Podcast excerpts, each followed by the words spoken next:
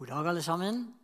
Vi er kommet til andakt nummer to i serien om 366 dager om Jesus i Gamle testamentet.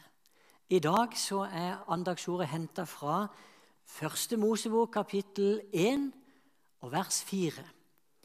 Der står det sånn Gud så at lyset var godt, og Gud skilte lyset fra mørket.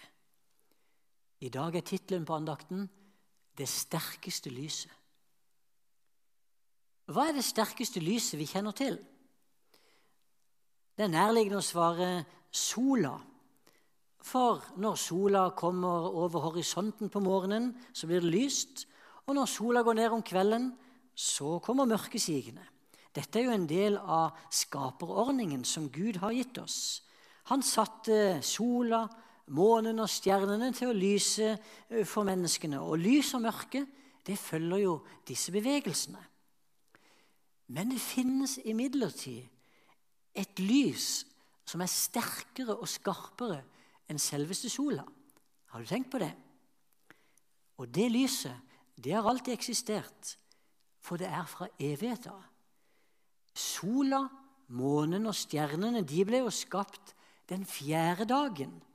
Lyset som vi snakker om i dag, det var jo til allerede fra den første dagen Gud begynte å skape.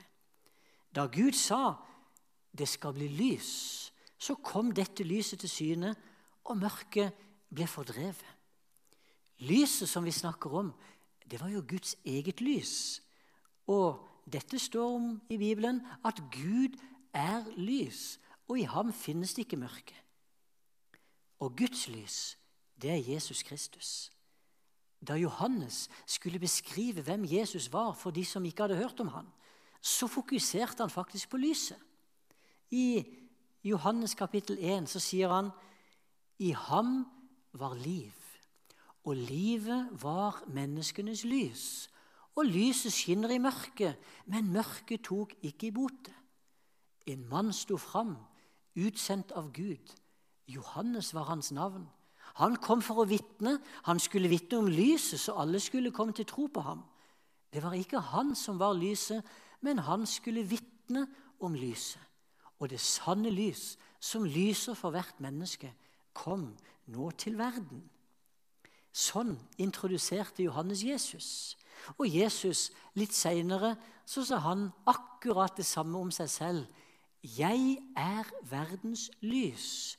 Den som følger meg, skal ikke vandre i mørket, men ha livets lys. Du ser, da Jesus kom inn i verden, så var det lyset som kom.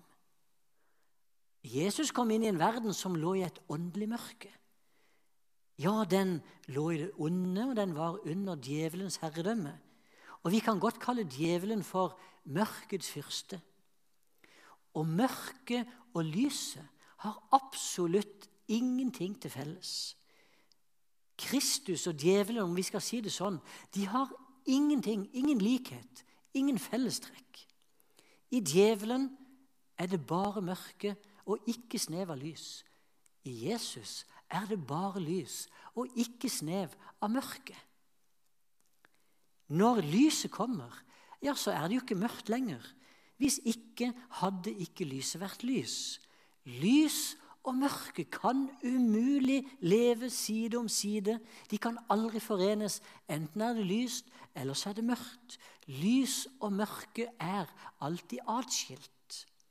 Og Sånn er det jo også med våre liv. Når Kristus er til stede, da har jo selve lyset kommet inn. Ja, du lever ikke lenger selv i mørket, men du er blitt et lys. Jesus skinner gjennom deg. Og Derfor sier jo faktisk Jesus akkurat det samme om oss som han sa om seg selv. Dere er verdens lys. Lyset det kalles godt fordi Gud er god. Og det er alltid godt når lyset skinner.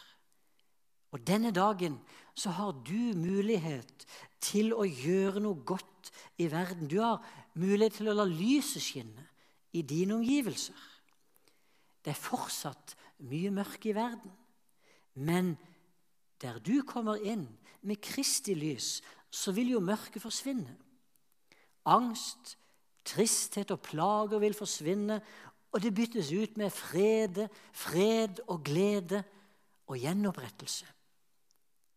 En dag så skal vi erfare fullt ut hva det vil si at Jesus er lyset. Sånn som ikke det var behov for lyset fra sola og månen da den første jorda ble skapt, den jorda som vi bor på nå. Sånn vil det heller ikke være behov for disse himmellegemene på den nye jorda som Jesus en dag skal skape. Det står at Guds herlighet og lammet skal lyse for menneskene. Og I Johannes' åpenbaring står det veldig tydelig byen trenger ikke lys fra sol eller måne. Tenk det. For Gud, for Guds herlighet lyser over den, og lammet er dens lys. Da skal Guds lys skinne sterkere enn noen gang før. På den første jorda og den eh, som vi bor på nå, så er det jo fortsatt en ordning med mørke og natt. Men på den nye jorda så skal det faktisk ikke være natt. Jesus, som er lyset, han danner sånn sett ramma rundt hele Bibelen. Den starter i første Mosebok med at Gud lar sitt lys bli synlig. Og i den siste boka i Bibelen så ender den med å beskrive en evig tilstand av lys. Og vi takker deg, Jesus, for at du er lyset. Og takk for at du opplyser oss, sånn at også vi blir lys. Og vi ber denne dagen Jesus om at menneskene først og fremst skal få se deg som lyset. Men hjelp også oss, Jesus, til å skinne, sånn at menneskene kan se lyset som er i oss, og søke inn til deg. I Jesu navn. Amen.